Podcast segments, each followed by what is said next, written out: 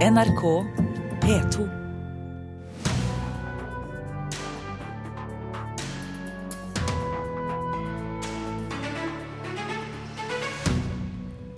Biografiene til unge kjendiser topper salgslistene her i landet. Unødvendige bøker, mener biograf. Utstilling med flådde menneskelik kommer til Norge. Vitenskapsmuseet i Trondheim er forberedt på reaksjoner. Og den nye filmen fra Harry Potter-universet, 'Fabeldyr og hvor de er å finne', den begeistrer vår anmelder. Du får høre mer om det i dagens Kulturnytt, hvor du også skal få møte han som skal danse Trump-patriotisme.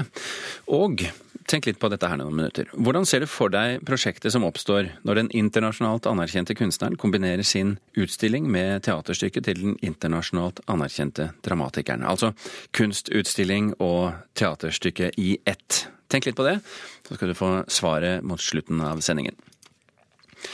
Kjendisbiografier av unge idoler som Sophie Elise og Martin Ødegaard gjør det godt på salgslistene. Men vi trenger ikke biografier av så unge mennesker, mener Ottar Grepstad, direktør for Norsk kultursentrum og styreleder for Språkrådet. Og han har for øvrig selv også skrevet flere biografier. Den nest mest solgte boken i Norge nå, det er selvbiografien til tvillingartistene Marcus og Martinus.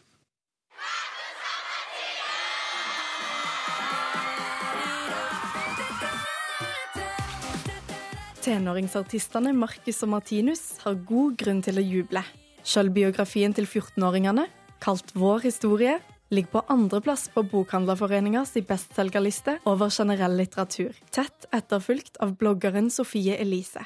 Det er nesten ingen biografi av et ungt menneske som er viktig i seg sjøl. Det sier Ottar Grepstad, som sjøl har skrevet og redigert flere biografier.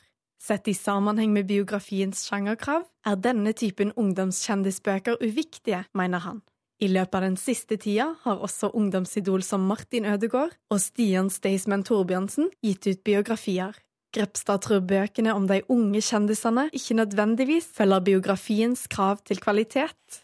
Fortellinga om dette mennesket eh, og den samtida dette mennesket levde i, skal være viktig for ettertida. Det krever solid refleksjonsevne, altså. Og det er vel ikke det som preger en del av disse mer lettvinte biografiene. Grepstad anerkjenner de unges interesse for disse bøkene, men tror titlene først og fremst er laga for å selge.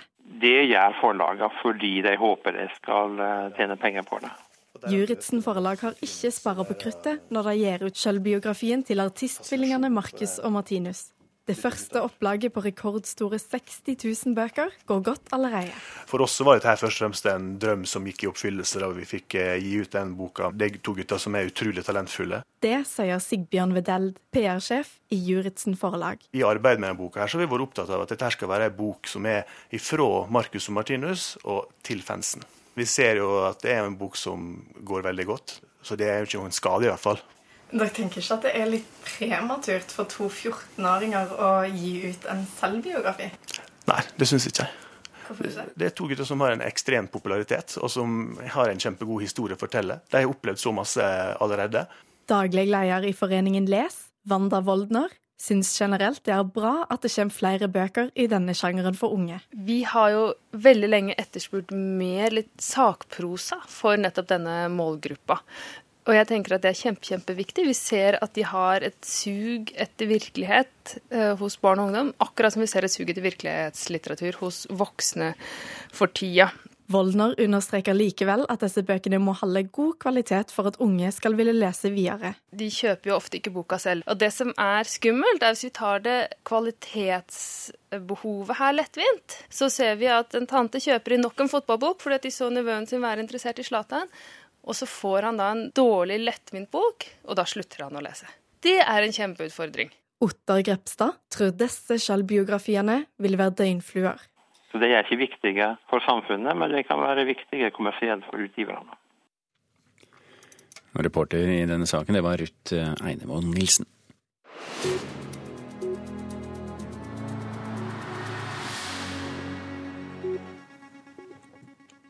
Så har vi fått inn vår reporter Kirsti Falk Nilsen eh, for å snakke om de viktigste sakene i dagens aviser. Eh, Kirsti, eh, folk som flås økonomisk, skal vi snakke om det?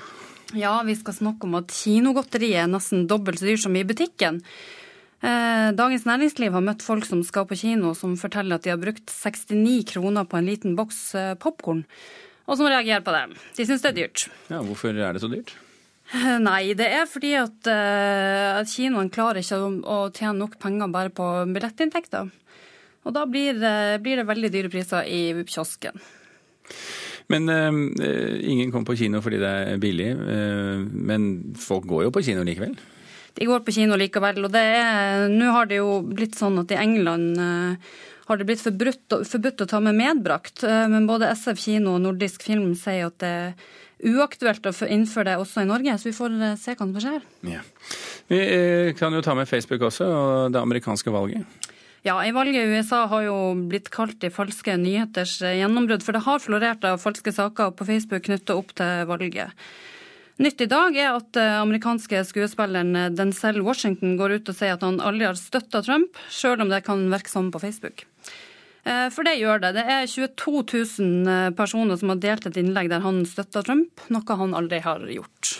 Eh, Hvordan, vet, står det noe om hvordan det skjer, eller er det bare sånn er det falskt og vi må se på dette i fremtiden? Det er falskt, og det blir delt i, i et uh, forrykende tempo. Den Denzel Washington er jo ikke den eneste som har problemer med Trump, har jeg forstått. Nei, han er ikke det. I see these silly niggas flexing, it's a no zone. You gon' be floating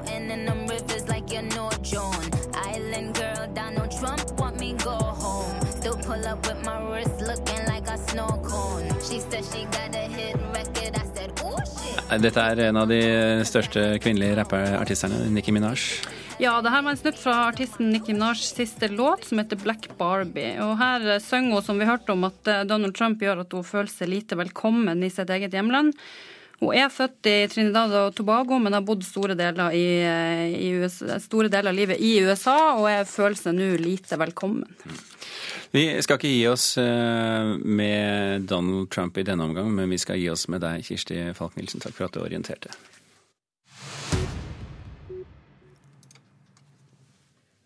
Now it's time for America to bind the wounds of division, have to get together.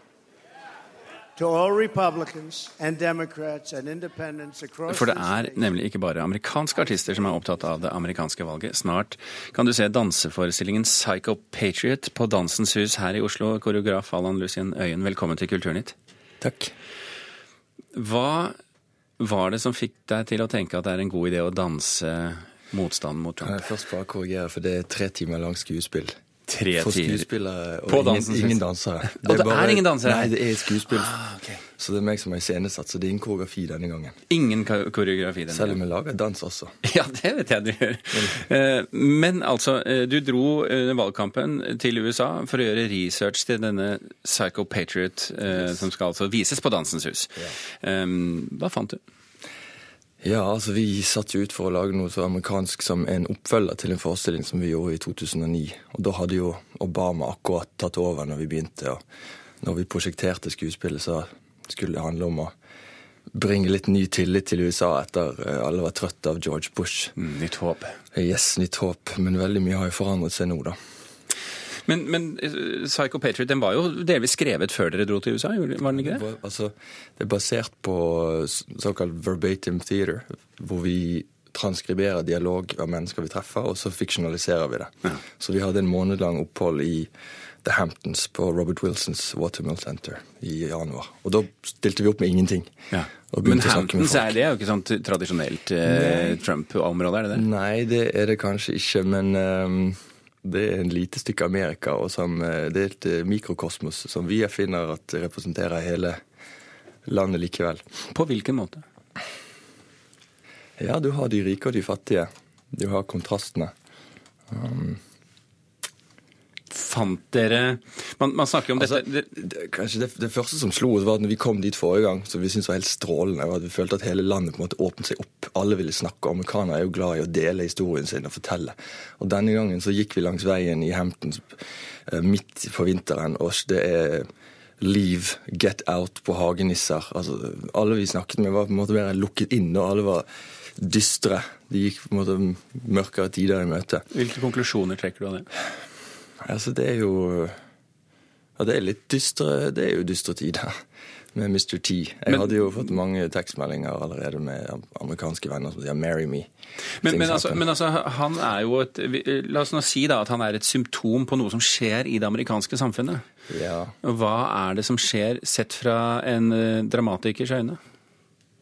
Å god, nå spør du veldig vanskelig. Jeg hadde lovet meg at jeg skulle ikke snakke om eh, politikk, og hadde ikke lyst til å nevne navnet til han eh, godeste. Ok, nei, men Da gjør vi ikke det. Og så, Men- spør jeg deg isteden. ja. Hvordan får dette eh, inntrykket dere fikk i USA, eh, hvordan blir det på scenen?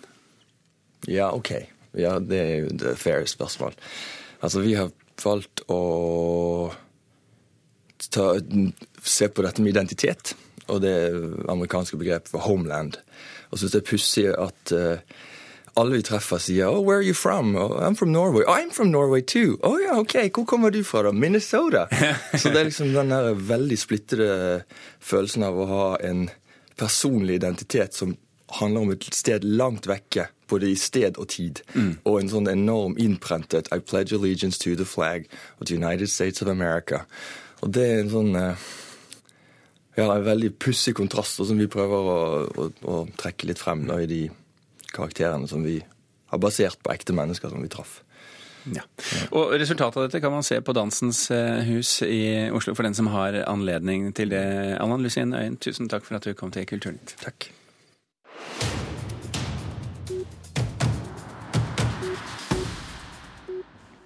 I dag er det verdenspremiere på filmen 'Fabeldyr og hvor de er å finne', som er en ny historie fra forfatter J.K. Rowlings Harry Potter-univers. Vår filmkritiker Birger Vestmo syns dette eventyret er fornøyelig oppfinnsomt og frydefullt underholdende. You're the guy with the case full of monsters, huh? News travels fast. Fabeldyr og hvor de er å finne, makte og fylle tomrommet etter Harry Potter-filmene. Manusforfatter J.K. Rowling, regissør David Yates og store deler av det samme filmteamet fyller et allerede etablert univers med friske, spennende figurer i et nytt miljø. Et fantastisk gjenskapt New York anno 1920-tallet er en utmerket arena for magiske mysterier, med Eddie Redmayne som en umiddelbar publikumshelt i hovedrollen som Salamander Fisle. Fabeldyr og hvor de er å finne er fornøyelig oppfinnsom og frydefullt underholdende. It was open? Just a smidge. That crazy Niffler thing's on the loose again? Uh, might be. Historien foregår altså rundt 70 år før Harry Potter begynner på Galtvort og leser en lærebok skrevet av Salamander Fisle. I denne filmen får Salamander, spilt av Eddie Redmayne, problemer når noe han har i kofferten sin, rømme og skape kaos i New York. Han får hjelp av Tina Goldstein, spilt av Catherine Waterston, en degradert agent fra byens magibyrå, samt Jacob Kowalski, spilt av Dan Fogler, en aspirerende baker og menneske som tilfeldigvis blir innblanda. Samtidig er mørke krefter løs i New York, der magibyråets dyster, spilt av Colin Farrell, ser ut til å være innblanda. You're an interesting man, Mr. Scamander. Thrown out of Hogwarts for endangering human life. That was an accident. With a beast. Filmens største fortrinn er at vi allerede kjenner universet historien foregår i. Kontinentet er kanskje et annet, men de samme reglene gjelder. Også her lever magikere i skjul for menneskene, og har et byrå som styrer dem og ordner opp når noe går galt. Historien introduserer oss imidlertid for et rikholdig galleri av all slags skapninger som ikke er sett før.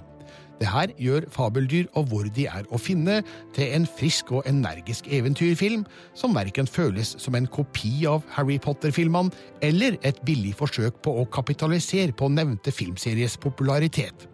Fabeldyr-filmen står støtt på egne ben, og JK Rowlings manus viser lovende muligheter i et utvida univers. I was hoping you'd be able to tell me if there have been any sightings. You got a pretty big price on your head, Mr. Scamander. Regissør David Yates var òg mannen bak de fire siste Harry Potter-filmene, og det er åpenbart at han begynner å bli riktig så flink til å fortelle store historier med frodig fantasi. Fabeldyr og hvor de er å finne, er overbevisende god og kommer til å bli en fortjent kinosuksess. Lewis, what is that? Nothing to worry about. That is Fabeldyr og hvor de er å finne ble anmeldt av Birger Vestmo. Filmen har altså verdenspremiere i dag. Klokken har passert 18 minutter over åtte. Du hører på Kulturnytt, og dette er toppsakene i Nyhetsmorgen nå. Én av tre norske bedrifter har tjent på å bli mer klimavennlige. Det viser en ny rapport fra Næringslivets hovedorganisasjon. Syrias president Bashar al-Assad sier USA kan være en alliert i kampen mot IS. Assad forventer at Donald Trump innfrir sine valgløfter om at USA skal bidra mer i kampen mot terror. Og nok en gang mislyktes Magnus Carlsen i å avgjøre et sjakkparti i VM, men det så lenge ut til at han skulle vinne. Utstillingen Body Worlds har skapt kontroverser i over 100 byer rundt om i verden, særlig i katolske land, og til sommeren så kommer den til Trondheim. Mange mener det er uetisk og makabert å stille ut menneskelik der skinnet er fjernet og resten konservert. Direktør ved Vitenskapsmuseet i Trondheim, Reidar Andersen, er forberedt på reaksjoner. Vi får eh, 13 helstørrelseskropper i ulike positurer. Altså alt fra sjakkspilleren til skiløperen. Og så er det da et eh, hundretalls eller to eh, organer i tillegg som er med å visualisere de forskjellige delene. De har gjort grundig forarbeid og sjekka alt det etiske foran sommerens store satsing. For å stille ut menneskelik på denne måten har vakt både jubel og fordømmelse. Det har versert noen noe historier om at det er noen som ikke har frivillig donert seg sjøl, altså fra, fra, Kina. Nå har reisen rundt i hele verden med det her, og det er klart at det her er sjekka ut. Lærer vi noe om helse ved å se på de kroppene? Ja, du, gjør det. Du får altså, lever i ulik kvalitet, for å si det sånn. Altså, du må gjerne fortsette å drikke sånn som du gjør i dag. Da får du en sånn lever. Vandreutstillinga til den tyske legen Gunther von Hagens er sett av mer enn 40 millioner mennesker. Det er han som oppfant plastinasjonsteknikken som er brukt, og målet er å vise menneskets anatomi. Det er i samarbeid med Vitensenteret og Det kongelige norske vitenskapers selskap at de har lykkes med å få utstillinga til Trondheim. Og preses Helge Holden i Vitenskapsselskapet håper å nå ut til skoleelever på alle trinn. Ja, vi har jo fått eneretten for dette i Norge, og det syns vi er spennende. Vi føler at vi formidler vitenskap på denne måten. Jeg så utstillingen for et par år siden i Wien. Jeg var helt utrolig imponert. Jeg var fullstendig fascinert. Nettopp fordi at du ser mennesker i aksjon, og så ser du hvordan ser musklene ut, hvordan ser kroppen ut da. Når, det, når den gjør noe som vi alle gjør, enten sparke en ball eller hoppe eller spille eller noe sånt. Og det syns jeg gjorde et utrolig inntrykk. Så vårt uh, mål er jo at uh, så mange mulige av elever i Midt-Norge eller i Norge skal komme og se den. Alle medisinerstudenter i Norge skal selvfølgelig se den her. Det tar vi for gitt. Utstillingen vil fylle to hele etasjer når den åpner i juni, og blir stående i fire måneder. Dette er et stort løft, og Helge Holden håper mange vil se den. Vi investerer jo her uten å vite hvor mange som kommer. Og vi er avhengig av at en del mennesker kommer og betaler for å komme og se på det. Det har jo trukket en del folk der det har vært så langt? Det har det definitivt. Og vi skal få også trøndere og folk fra Midt-Norge, og helst fra hele landet, som kommer og ser, ser, den. Gynter von Hagens han kommer nok ikke. Det er mulig at hans sønn kommer. Og faktisk så var de gått gjennom sine lister for å se om vi kunne komme i kontakt med en norsk donor som står på lista, fordi at de mente at det kunne være kanskje litt interessant av forskjellige årsaker å snakke med en nordmann som ønsker å bli en del av en fremtidig utstilling. Men per i dag så står det ingen norsk donor. Så mulighetene er mange hvis du skulle være interessert. Reporter her, det var Grete Tobro.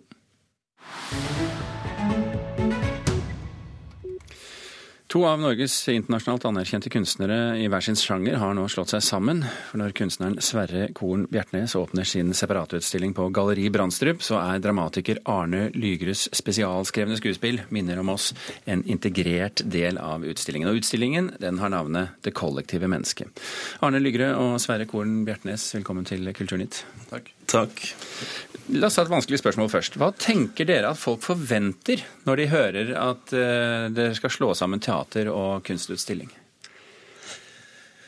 Jeg syns det er et vanskelig spørsmål. Jeg har alltid litt problemer med å se meg sjøl og mitt eget arbeid utenfra, så jeg Du gir opp spørsmålet?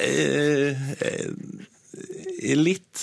Nei, jeg tenker vel egentlig at folk kanskje vil tro at det her er en litt sånn to litt sære felt som møtes, med samtidskunsten og samtidsdramatikken. Men det, sånn har det jo ikke blitt, syns jeg. da. Hvordan har det blitt? Eh, det her samarbeidet oppsto ved at jeg så et stykke av Arne Lygre som het 'Ingenting av meg'. Og Det stykket gjorde så sterkt inntrykk på meg at jeg tok kontakt med Arne og lufta denne ideen om det var mulig å få til et samarbeid da, på tvers av de to kunstformene vi er inne i. Og hva sa du da, Arne?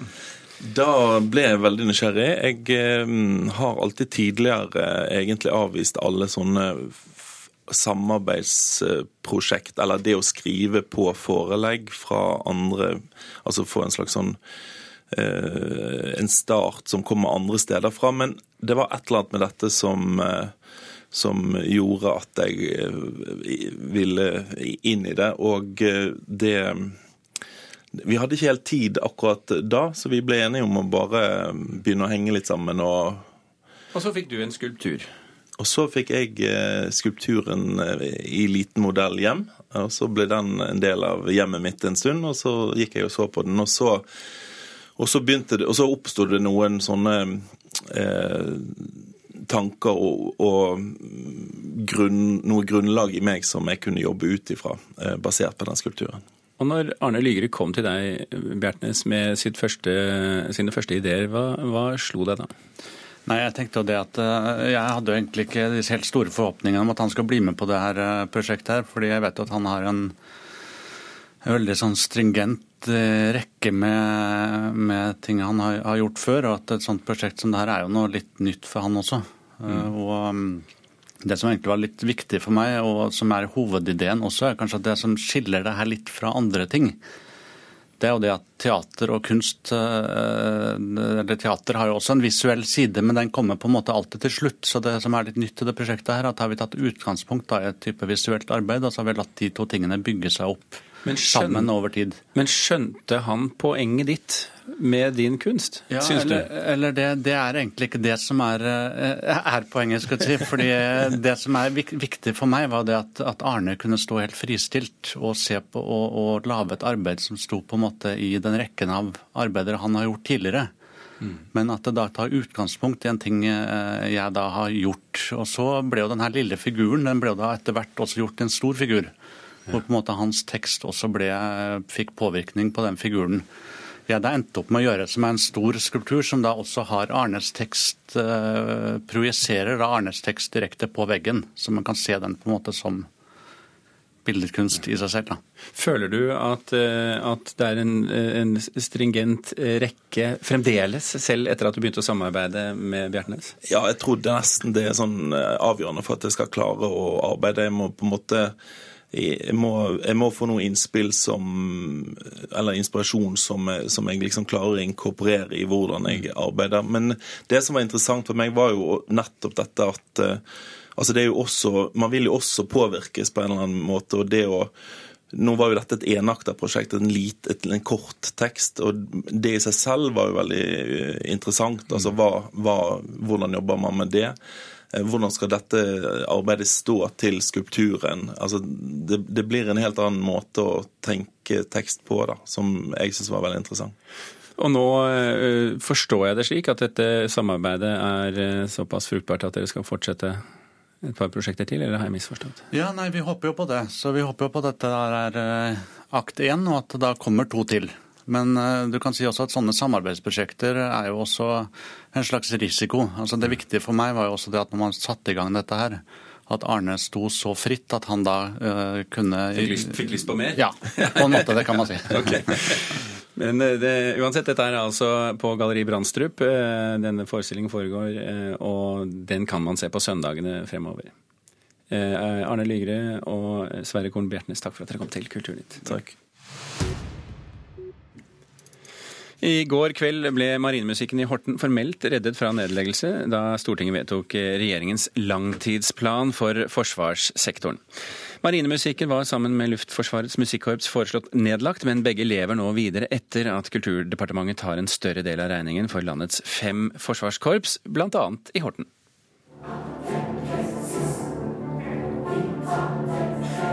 Det er helt utrolig. Jeg ser på det som liksom en mulighet til um videre da, når jeg skal søke jobb. Det sier Emilie Ravn Jensen, som går i andre klasse ved Sandefjord videregående skole.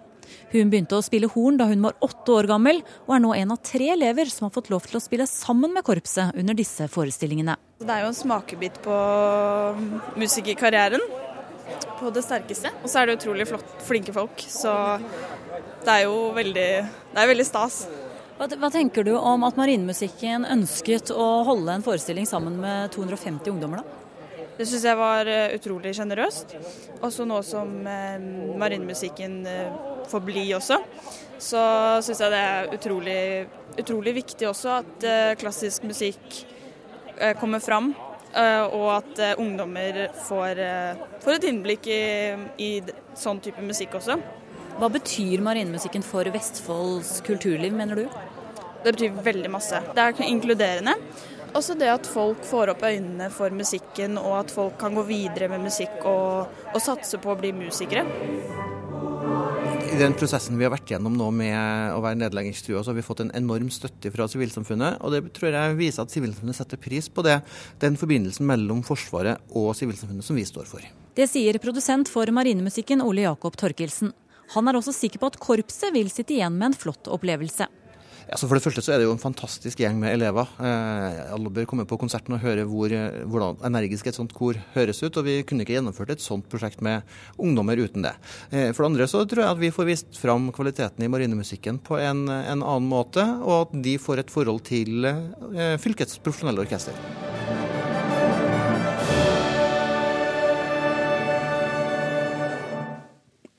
Og reporter i denne saken her, sånn, det var Katrine Krømke. Kulturnytt er i ferd med å runde av. I dag har vi fortalt at biograf og oversetter Ottar Grepstad mener biografiene til unge kjendiser som Sofie Elise og Marcus og Martinus er unødvendige eh, bøker, selv om de topper salgslistene. Kulturnytt var i dag ved Gjermund Jappé og Birger Kålsrud Aasund. Ha en fin dag videre.